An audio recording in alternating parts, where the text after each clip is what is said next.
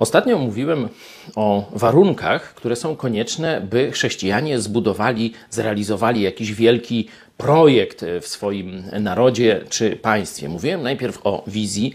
Oczywiście wszystko to w kontekście ewangelizacji polskiej potrzebie chrześcijańskiego uniwersytetu, który by skupiał szkolenie ludzi, nie tylko pastorów, ale we wszystkich zawodach, żeby lekarz miał też silną podbudowę teologiczną czy biblijną, a nie ewolucyjną czy, czy ateistyczną.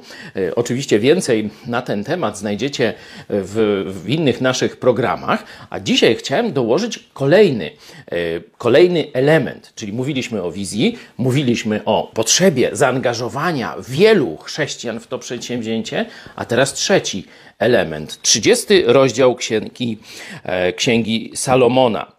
Mrówki ludek słaby, a jednak w lecie zbierają swój pokarm, czyli na czas i razem. I później jeszcze inne zwierzęta pokazane są tu jako przykład. Szarańcze nie mają króla, jednak wszystkie wyruszają w szeregu.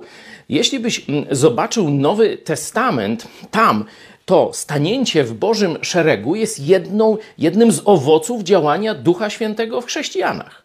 Stanięcie w szeregu to znaczy właściwa organizacja ludu Bożego. Możemy mieć wizję, możemy mieć wielu ludzi, ale jeśli nie dołożymy właściwej organizacji, to będziemy tak jak Mojżesz u szczytu swojej działalności, praktycznie obowiązki go przytłoczyły i był z jednej strony przemęczony, a ludzie, lud Boży był absolutnie nie, nie dostawał właściwej troski. Przyszedł jego teść, Jetro, mówi – Słuchaj, musisz prowadzić inną organizację. Musisz część odpowiedzialności z siebie przekazać na innych, innych wciągnąć w przywództwo. Wtedy ty będziesz miał czas skoncentrować się na rzeczach najważniejszych, a cały lud otrzyma stosowną pomoc. Czyli wizja, czyli ludzie, czyli organizacja.